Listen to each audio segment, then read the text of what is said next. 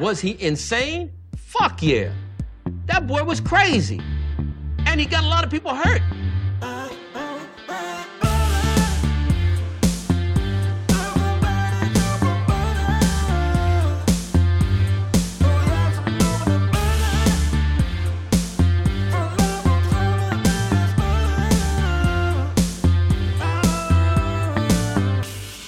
Like butter. I fucking love butter. I fucking love it. What's up, motherfuckers? Welkom bij een nieuwe aflevering van de Zonde van je Tijd podcast. Een podcast waarin ik niet alleen mijn eigen tijd, maar vooral uw kostbare tijd ga verdoen met klinkklare onzin. Ik hoop dat deze podcast u treft in een blakende gezondheid. Het is vandaag de 14e van september 2022. Het is nog steeds te warm voor de tijd van het jaar. Voor iedereen die denkt dat, dat, dat de opwarming van de aarde een hoax is, onzin is, motherfuckers. Kijk om je fucking heen. Godverdomme. De wereld gaat naar de kloten en we kijken ernaar. We pakken de laatste dagblad erbij van 14 september 2022, zoals ik al net al zei, dat dat, dat, dat, dat datum is van vandaag. En we zijn natuurlijk up-to-date en daarom pakken we de krant op die 12 uur geleden is gedrukt. Eh, wat staat er op de voorpagina? Wat is hetgeen wat ons Leidenaren nu op dit moment bezighoudt? Sowieso, maanvis krijgt een tweede leven. De maandvis die eind vorig jaar aanspoelde op het Waddeneiland Ameland, wordt volgende week opgezet en bewaard voor wetenschappelijk onderzoek in Naturalis. Bezoekers kunnen het proces live volgen. Dat moet dan één fucking goed gebotoxte vis zijn, dat die een jaar later nog steeds ready is om opgezet te worden. Motherfuckers, dat is, die is net zo Godverdomme, de Mc- luister, als deze shit, McDonald's gaat hier, gaat hier visfilet maken, voortaan maken van maanvis, dan hoeven ze niet al die, al die rotzooi erin te houden, zodat het allemaal goed eruit blijft zien. Misschien is dat de key van, van eeuwig jong blijven zitten in die motherfucking maanvis. Als die een jaar later gewoon nog steeds ready is om opgezet te worden. Dat die niet al lang verworden is tot graatjes of dat soort shit. Waarschijnlijk hebben ze er al iets mee gedaan. Maar hey, een jaar later. Maar wat was het beslisproces dat het zo lang moet gaan duren voordat we dat ze hem op gaan zetten? Brussel, energierekening omlaag door prijsplafond en extra belastingen. Winst ook naar burger. Bedrijven die grote winsten behalen door de energiecrisis gaan als het aan Brussel ligt meer belasting betalen. Met dat geld moet de consument worden gecompenseerd voor de hoge energierekeningen.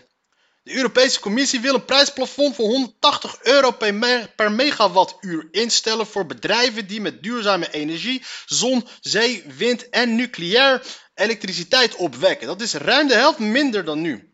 Oké. Die motherfuckers verdienen nu al fucking veel geld. Die maatregel zou in de hele Unie tot 117 miljard euro kunnen opleveren. Voor olie- en gasbedrijven die heel erg goed draaien tijdens de energiecrisis wil Brussel een solidariteitsbijdrage vragen. Je kan ze ook opleggen, hè, Europese Unie. Je hoeft het niet te vragen. Dit zou gaan om een eenmalige belasting aan lidstaten van 33%. Als de winst 20% hoger is dan de laatste drie jaar. Hm, dan hebben ze zo... Oh, hoe slim is dat? Brussel kijkt nog verder dieper dan een prijsplafond voor gas. Over alle maatregelen zal nog flinke elektriciteitsconsumptie. Volgens EU-bronnen onthult Europese Commissievoorzitter Ursula von der Leyen, Leyen vandaag in het Europees Parlement deze voorstellen die de energielasten van burgers en bedrijven moeten helpen verlichten. De Europese Unie weet dat ze wat moeten gaan doen, want anders breekt het motherfucking pleuris uit. Eh, Oké, nou is dat. Lilibet, Joost Prinsen. Joost Prinsen, ik mag die guy wel. Weet ik iets te melden over de Engelse koningin in zijn column van Lilibet van Joost Prinsen? Niet over de huidige, hoewel ik altijd een fan van die Camilla ben geweest. En dus best iets over haar zou willen schrijven. Maar vandaag heeft Elisabeth II, oftewel Lilibet, de voorrang. Ik herinner me haar kroning in 1953. De eerste keer dat ik televisie zag. Hoewel mijn geheugen me kan bedriegen wat dat betreft. Ik vond het schitterend. Achteraf denk ik dat de pracht en praal appelleerde aan mijn katholieke opvoeding. Ik ben altijd nogal dol geweest op optochten met fanfares en veel kostuums. Verder zag je haar nooit zoveel, behalve bij de verplichte nummers. Oké, dit is een... you know. Voetbalclub, bij ons mag je juist wel komen douchen. Oproep in de penarie door hoge energieprijzen. Parijs dooft verlichting monument. Ik denk, waarom staan de straatverlichtingen nog bij ons nog altijd zoveel aan? Man, ik kan best wel rustiger. Luchthaven dreigt nog lang tombola te blijven. Uiteraard is pleuris weer uitgebroken op Schiphol, net voordat ik op vakantie ga. Waarom gunt wordt mij al die bullshit niet gegund? De Grieken en de Turken zijn weer aan het vechten, net op dat moment dat ik naar Cyprus wil, maar kennelijk kan ik nog ineens naar Cyprus gaan, omdat die beveiligers lopen te kloten vanwege de kun. Luister eens, ik sta achter jullie alles, maar alsjeblieft niet op mijn vakantiedag.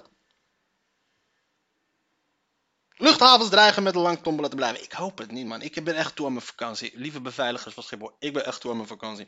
Reizigers moeten de komende maanden iedere dag weer vrezen voor gas op Schiphol. Dat is geen goed begin van dit artikel. Dat klinkt vanuit de reiswereld. Fuck de reiswereld. Die vreest voor een tombola.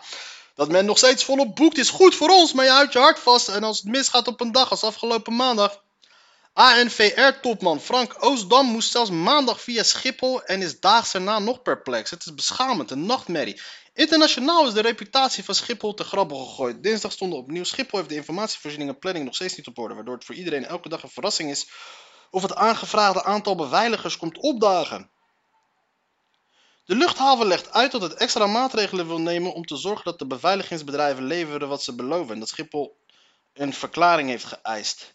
Hé hey man, even kijken, hoe lang hebben we nog? 14. Het is nog 20 dagen voordat ik op vakantie ga. Yo, ken ik mensen op Schiphol? Ja, ik ken wel mensen op Schiphol, dus dan moeten we even wat geregeld kunnen worden.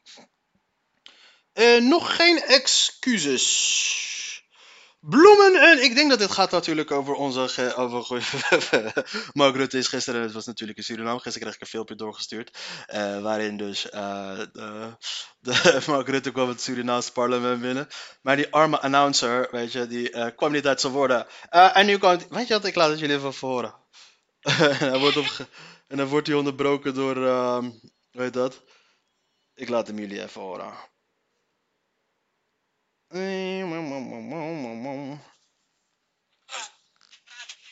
Dames en heren, mag ik u beleefd te gaan staan voor het binnenkomst van eh Hij kwam dus niet uit zijn woorden en toen werd hij... Nederlanden. Hij kwam dus niet uit zijn woorden, toen werd zijn mic afgepakt door die vrouw, moet je horen. hij ging stompelen, hij kwam niet uit zijn woorden. Mag ik u beleefd te gaan staan voor het binnenkomst van eh van de minister-president van het Koninkrijk der Nederlanden. en daarna wijst ze ook zo, je moet die kant op. Jalla, wakka, zet die wakka. ah, Suriname, geweldig. We moeten daar nog steeds, jongens, we moeten dertiende provincie worden van Nederland. Blok, en dan gaan we nu bloemen en eerbetoon voor de 8 december moorden. En met wat schaamrood op de kaken voor het slavernijverleden. Ik weet niet of het schaamrood was voor het slavernijverleden of het was gewoon heet en benauwd daar. Dat die witmang daar het gewoon benauwd kreeg. Wat in de bagage van premier Rutte voor zijn bezoek naar Suriname ontbrak, was het excuus waar de vroegere kolonie zo naar hunkert. Bij het staatsbezoek aan Indonesië twee jaar geleden verraste koning Willem-Alexander met excuses aan de gasten voor het gewelddadigheden begaan door Nederland. Rutte had in Parama- Paramaribo, Paramaribo, dit maar niet zo'n surprise in petto. dit is vet. Rutte had in Paramaribo dit niet zo'n surprise in petto. Hij doet het expres dat hij gaat ruimen. Misschien was het da- daar stiekem toch op. Ge- Ga je lopen ruimen? Ga je een Sinterklaasgedicht lopen schrijven hier? Meneer, in een, in een, eh, in een, in een column waarin je pleit voor, voor excuses aanbieden voor de slavernijverleden. Misschien was daar stiekem toch op gehoopt. Vorig jaar immers concludeerde het alle, al- adviescollege slavernijverleden dat de Nederlandse regering Suriname excuses verschuldigd is. Oké, dat is dat ruimt niet. In de aanloop dat ruimt wel ergens op. Na zijn ontmoeting met het Surinaamse parlement liet Rutte doorschemeren dat het slavernijverleden geen obstakel tussen beide landen meer mag zijn. Hij was de laatste tijd ook anders tegen die zaken aan gaan kijken, zei de premier. We kunnen dat verleden niet veranderen, maar we kunnen en moeten het wel onder ogen zien. Daarom ben ik naar Suriname gekomen. Jawel, ja zeker. En zeker heeft het helemaal niks te maken met die gas en olie wat ze hebben gevonden daar, hè? Ja zeker, nee. Nee, nee, nee, nee man. Nee, zeker niet. Nee. Hij kwam gewoon om, om, om je weet je bent toch niet hier, weet. Maar de Surinamers die, in dins- die er dinsdag hoopvol voor gingen zitten. Er kwam geen spijtbetuiging van de Nederlandse staat. Nou, voor die Surinamers wil ik even zeggen.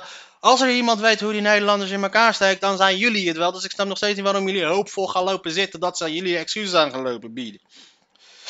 Toch komen ze er niet bekijkt vanaf, al moeten ze nog enig geduld betrachten. Rutten bezoek heeft de weg gebaand voor het formele excuus dat de Nederlandse regeringsleider in 2023 zou overbrengen. Yo, luister eens. Uh, 2023 gaan we die excuses aanbieden, oké? Is dat cool? Nu even niet.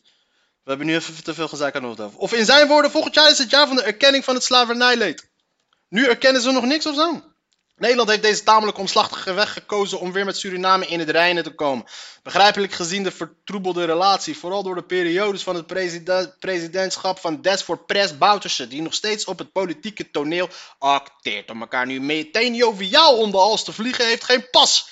Eerst besnuffelen middels een diplomatieke annexhandelsmissie. Zelfs de Surinaamse organisaties die zich inzetten voor de slavernijkwesties lijken dat te beseffen. Want ze lieten zich nauwelijks horen, omdat ze jullie helemaal zat zijn. Nu iedereen is voorgesorteerd op een onvermijdelijke slavernij-excuses kan het hoge woord er dan eindelijk uit. In 2023, 150 jaar na de informele afschaffing van de slavernij. Een mooi symbolisch jaar. Onder deze belofte kan Nederland nu niet meer uit. Nou, geloof jij.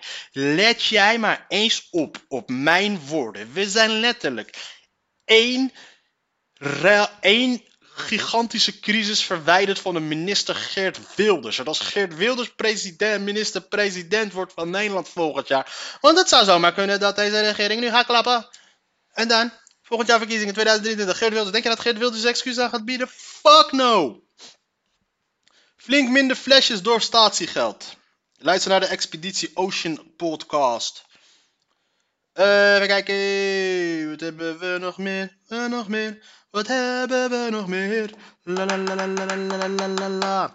We willen haar weer naar Suriname brengen. In de eindeloze rij voor de laatste bl- blik kop Elisabeth. En ik hoop ook het laatste artikel over Elisabeth.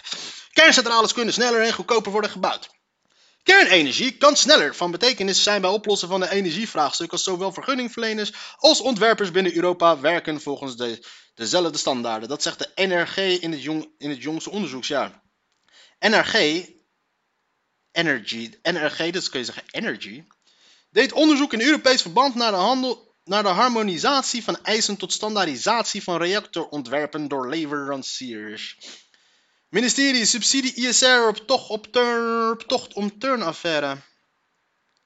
Oud-Kamerleden uiten kritiek bij gasenquête. Ja, nu pas, jullie hadden toen eh, eh, kritiek moeten uiten, maar nu, toen hadden jullie dat niet gedaan. Maar nu, hebben we, nu zijn jullie gewoon lekker, nu proberen jullie wel gewoon een grote bek open te trekken. Nu is het populair om je ding te gaan lopen doen. Dan kun je verschuilen achter, de fractievoorzitter. Ja, ik was niet de woordvoerder van de gas of elektra, eh, of van de, van het dossier Groningen. Dus dan ga je nu, daar- maar nu je dan op een gegeven moment, ga je dan opeens wel je grote bek open trekken. Dat soort mensen trek ik sowieso niet. Die pas achteraf hun bek open te durven te, te trekken. Weet je, achteraf is makkelijk vertoeven, zeggen ze in Brabant. Extreem rechts, nieuw probleem voor Poetin.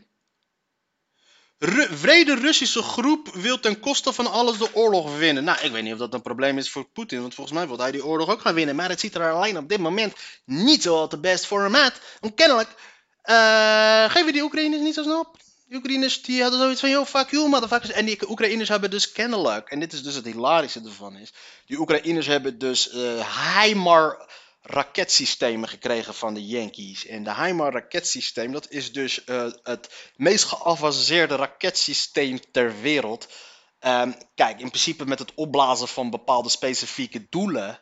Wat er nu is gebeurd, in principe wat de Oekraïners hebben gedaan. eh, Een paar maanden geleden, volgens mij, vond er in het Krim, volgens mij ergens gigantisch, of in Gerson, een gigantische explosie plaats.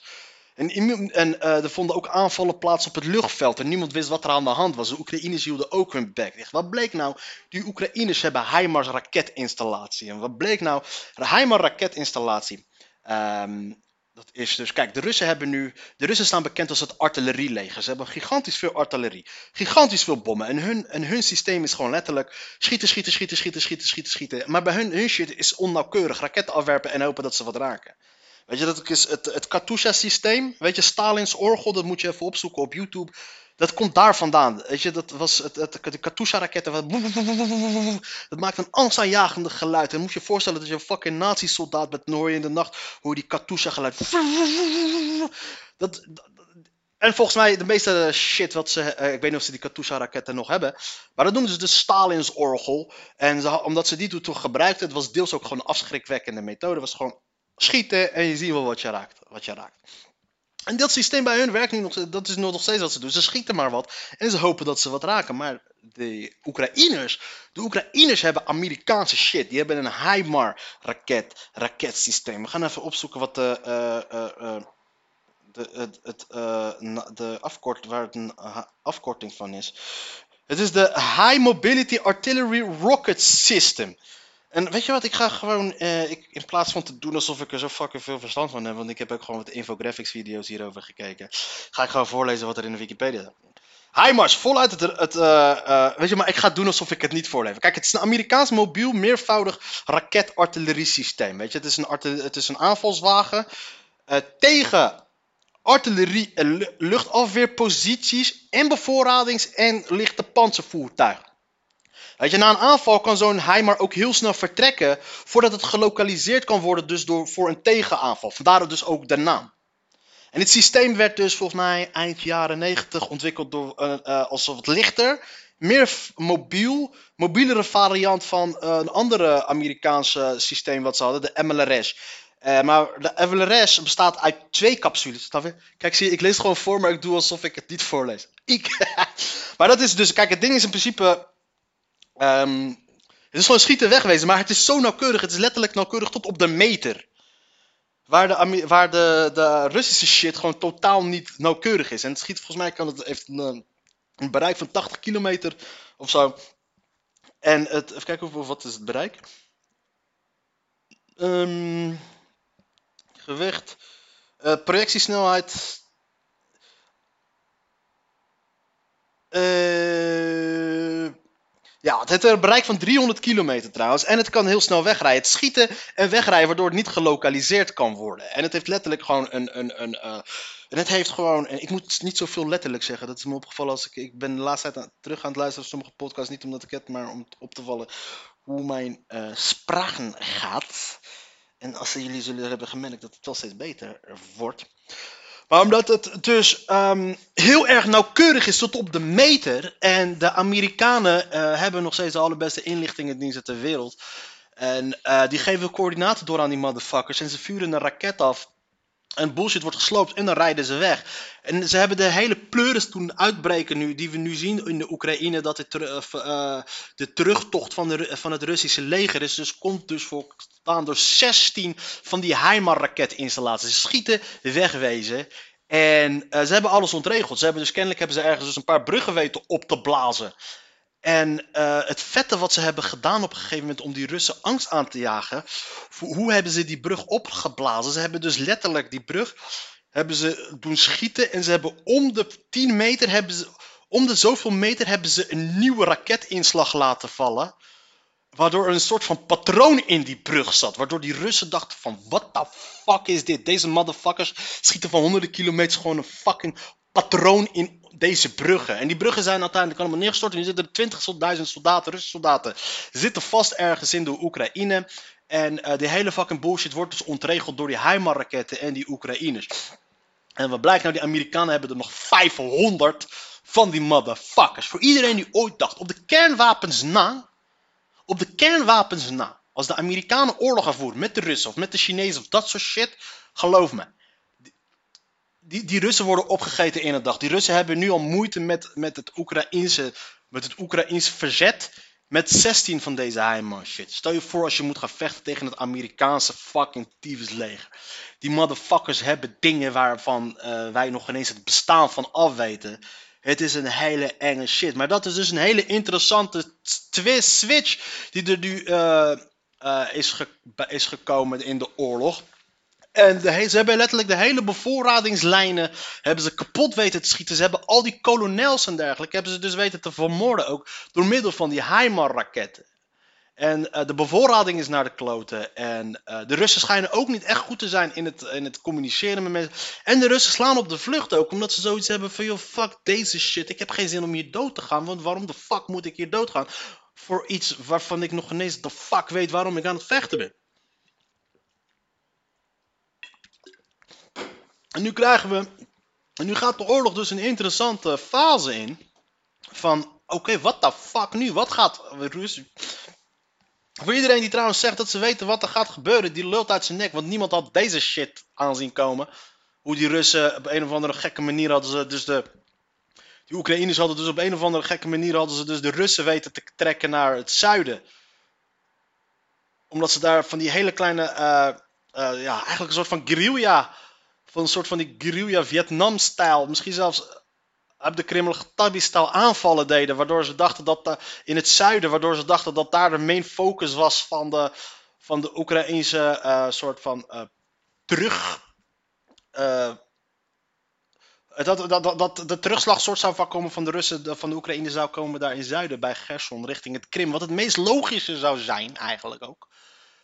Maar ze kwamen uiteindelijk van de linkerkant, waar ze dus uiteindelijk dus ervoor hadden gezorgd dat ze vanaf die kant de Russische grens een soort van in handen hebben en letterlijk de hele bevoorradingslijn hebben kapot gemaakt.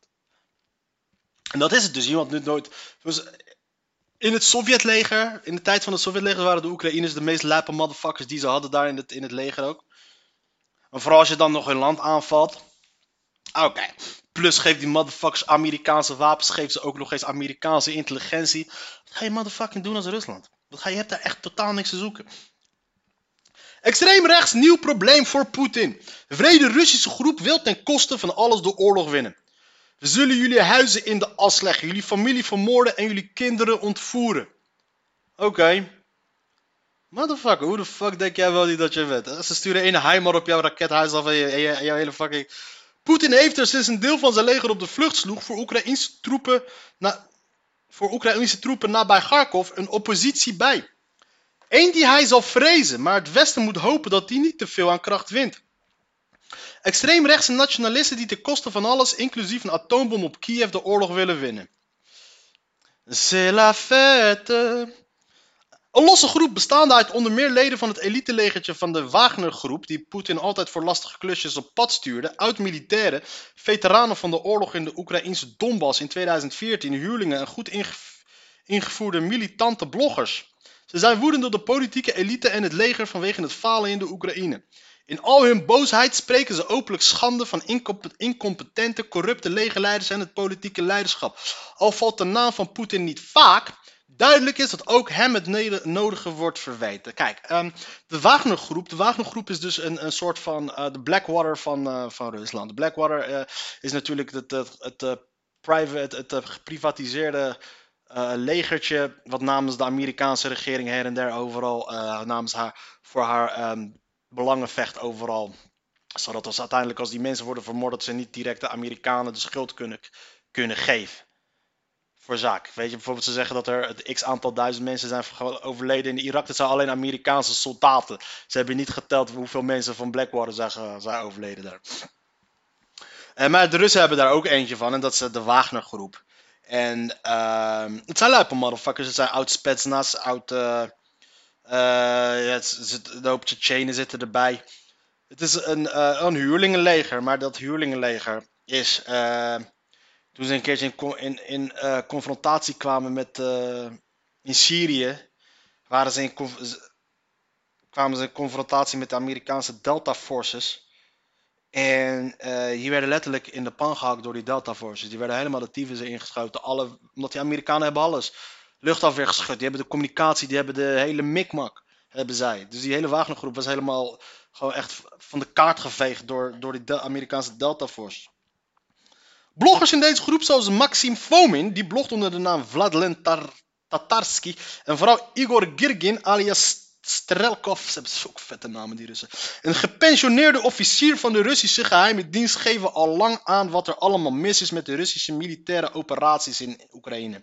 Strelkov, die trots pocht dat hij als leider van een groep gewapende Russen de trekker overhaalde, wat leidde tot de eerste aanval in de Oekraïne in 2014, heeft een telegramkanaal waarmee hij een half miljoen mensen bereikt. Daarop viel hij al eerder bij Russisch, viel hij, viel hij eerder de Russische minister van Defensie Sergei Shoigu, dat klinkt een beetje Japans, aan die hij een bordkartonnen generaal noemt. En laakt hij het uitblijven van een algehele mobilisatie die Poetin niet aandurft. En een algehele mobiele mobilisatie betekent dus in feite dat het. eh, dan is het dus in principe niet meer een speciale operatie, maar dan is het letterlijk een oorlog. En dan moet echt iedereen moet dan opgeroepen worden om te gaan vechten. En dan moeten ook waarschijnlijk ook eh, de mensen in Moskou, mensen in de grote steden, de middenklasse en dergelijke. Hun kinderen moeten dan ook gaan. En eh, dan krijg je dus een. ehm, eh, en dan ga je dus verzet krijgen tegen die oorlog. vanuit de hoek die jij liever niet wilt gaan hebben. Want mensen willen hun kinderen niet naar een oorlog gaan sturen natuurlijk. En daarom is er een soort van stille, stille oké, een stille acceptatie van wat Poetin doet. Omdat er in de Sint-Petersburg, in eh, Moskou, die mensen eh, hun kinderen niet hoeven te sturen. Nu worden die arme kinderen uit de Caucasus gehaald en uit Siberië en uit eh, Vladivostok. Dat gedeelte van de wereld waar echt letterlijk niemand om geeft. In Moskou. En ehm, mensen Rusland is een gigantisch groot land. Hè? Het is een gigantisch groot land. De afstand tussen Vladivostok en, en, en, en Moskou is volgens mij is dat net zo groot als tussen, tussen, Nederland, tussen Amsterdam en Kaapstad. Het zijn 14 tijdzones. Het is nog, Vladivostok ligt nog oostelijker dan, eh, dan Shanghai en Peking. Dus zo, zo bizar is het. Lul ik aan mijn nek of heb ik ongeveer even kijken? Waar ligt Vladivostok? Vladivostok. Eh, maps.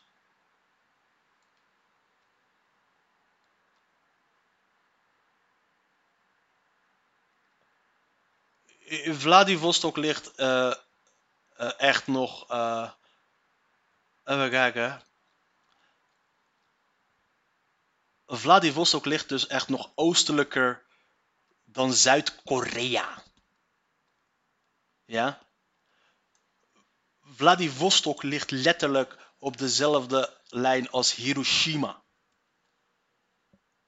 Zo ver ligt Vladivostok dus. Vladivostok is een, is een stad in het verre oosten van, eh, van Rusland. Dus dat moet je nagaan.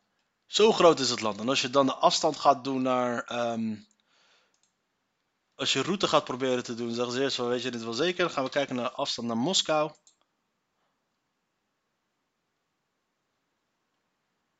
Is hij nog fucking lang bezig. Als je met de auto gaat, dan is het 9000 kilometer. Het is bizar. En dan, ben, en dan ben je nog ineens bij het verste uithoek van Rusland. Hè? En dat is nog ineens de verste uithoek van Rusland. Dit is de verste grote stad van Rusland. Als je gaat kijken naar eh, de meest oostelijke stad van Rus, de meest oostelijke Anadir.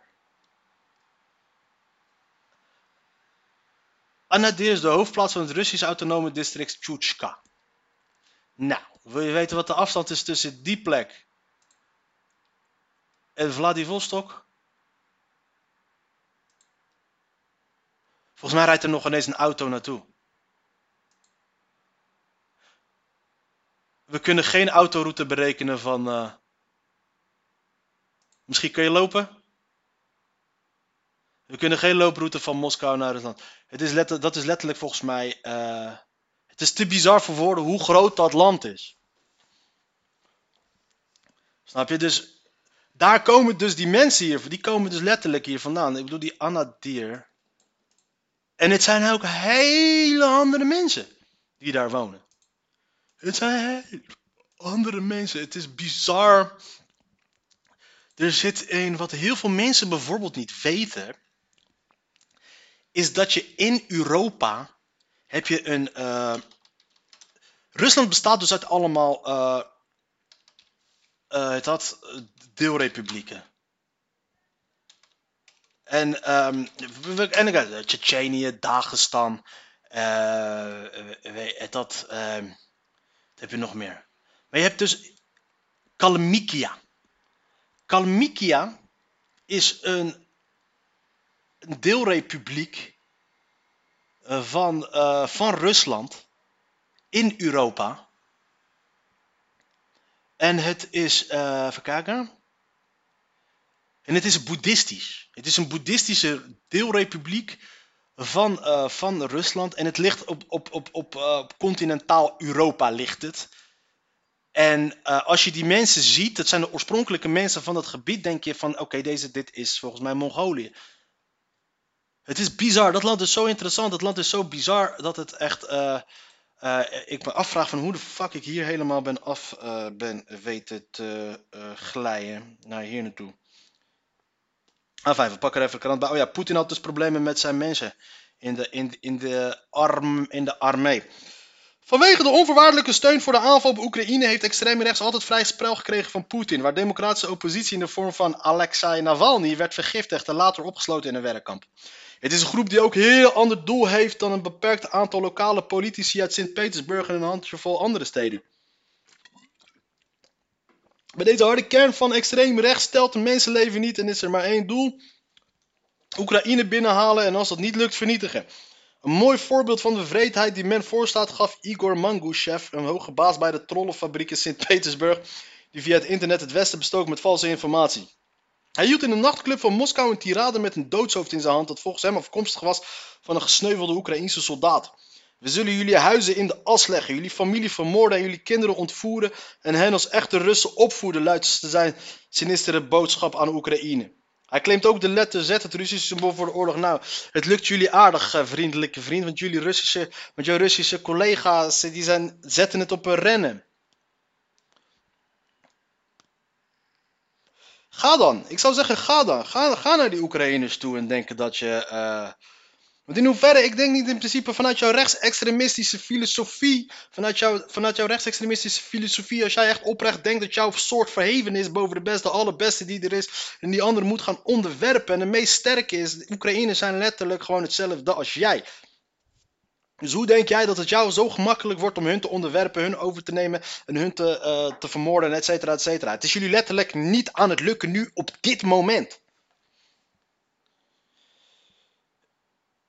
Probleem voor Poetin is dat de kritiek van uiterst rechts en minder dreigend, want makkelijker in de cel te gooien van lokale politici naar de Oekraïnse opmars feller en zichtbaarder wordt en doorcijpelt naar de bevolking. Dat maakt zijn verhaal dat de speciale militaire operatie succesvol verloopt en dat er geen sprake is van een echte oorlog steeds minder geloofwaardig. Dat helpt geen propaganda meer tegen. Ik denk dat er op een gegeven moment een situatie nu gaat komen dat uh, Vladimir Poetin eigenlijk, dus de, de best worst case scenario is, dat de, Vladimir Poetin eigenlijk een soort van Saddam Hussein wordt.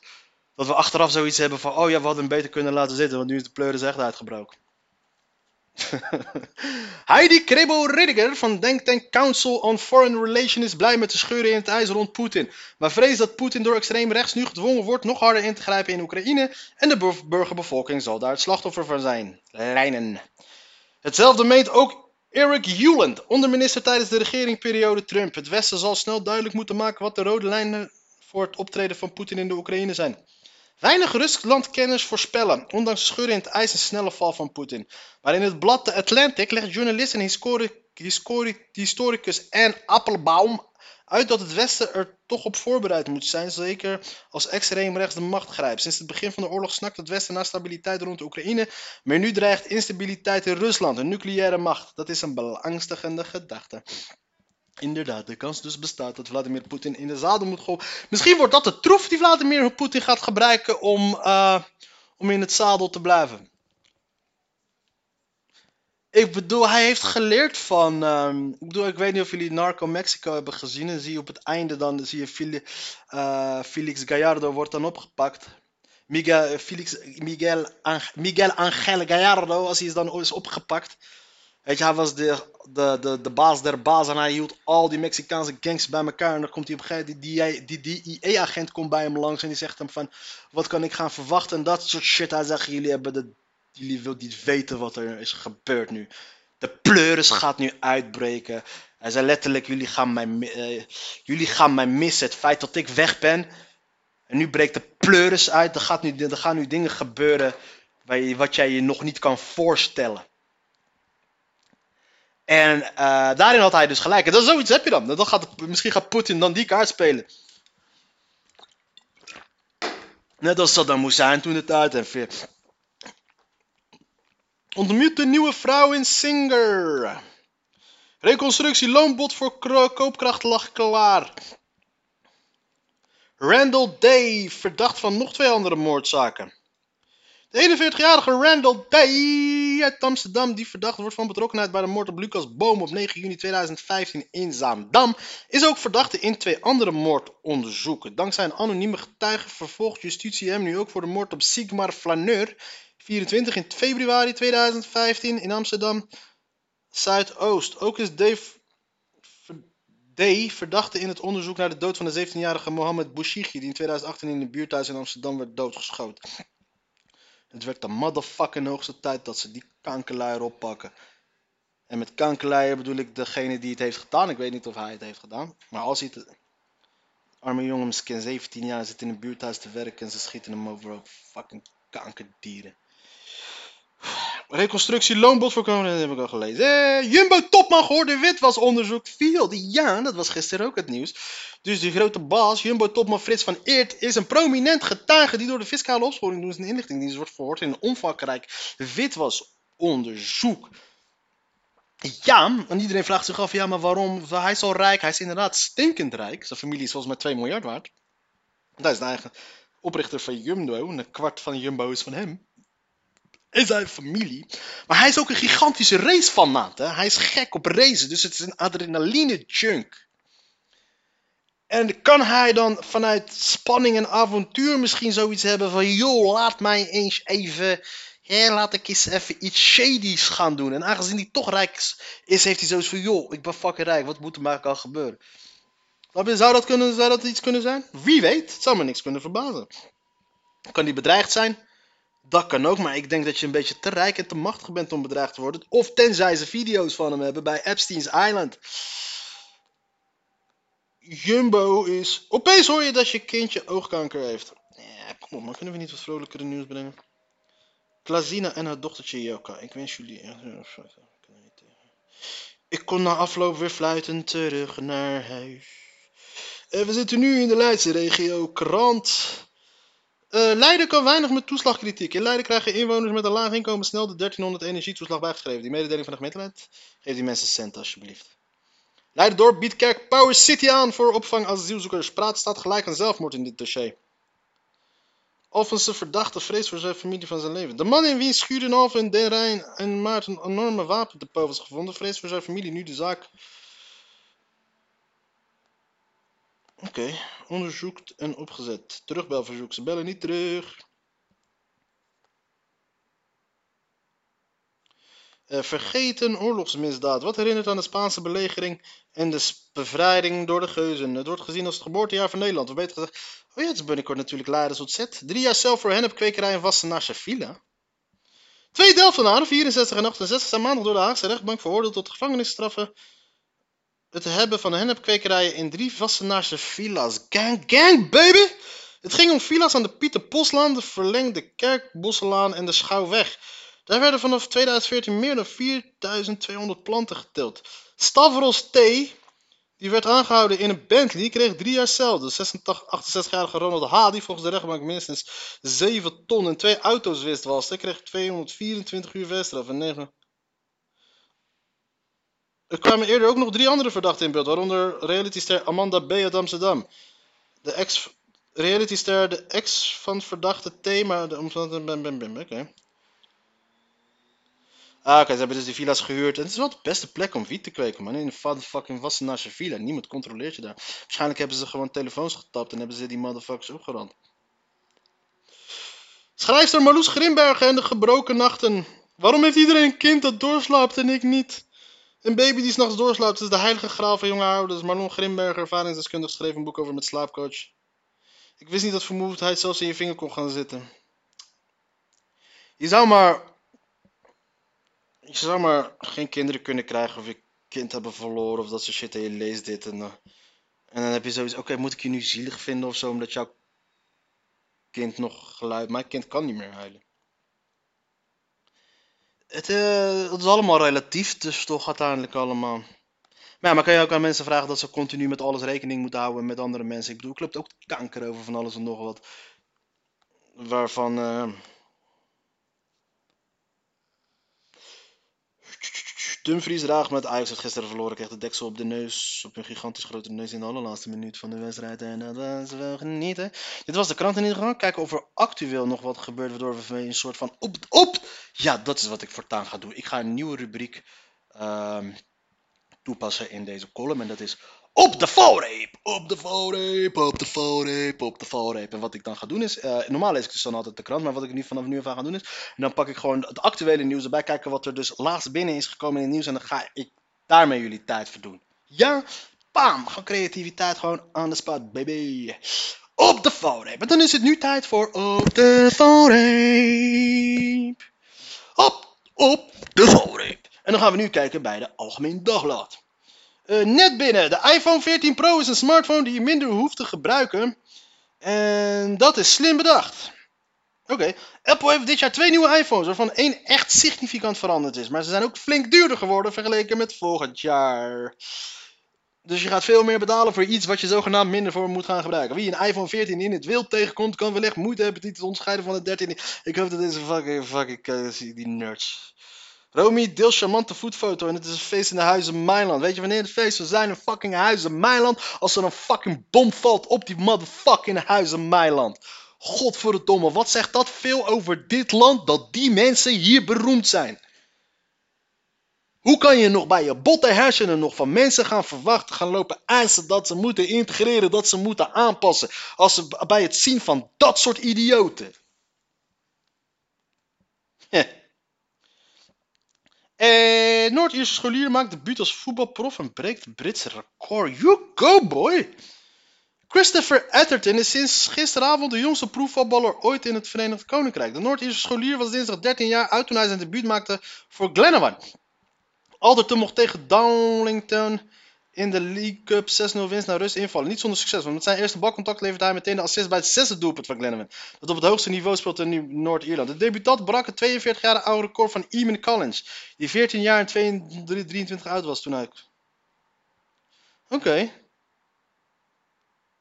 Kan deze jongen een beetje ballen dan? Die zou wel binnenkort dan uh, ergens bij Chelsea worden opgekocht. Nou, dus dat. Nou, dames en heren, dit was op de valreep. Nou, dames en heren, uh, voor iedereen die nog steeds aan het luisteren is, ik wil je hartelijk bedanken voor het beluisteren van deze podcast. Maar ik moet je toch echt wel adviseren om wat beters te gaan doen met je leven, namelijk. Want dit is en blijft natuurlijk zonde van je tijd. De podcast.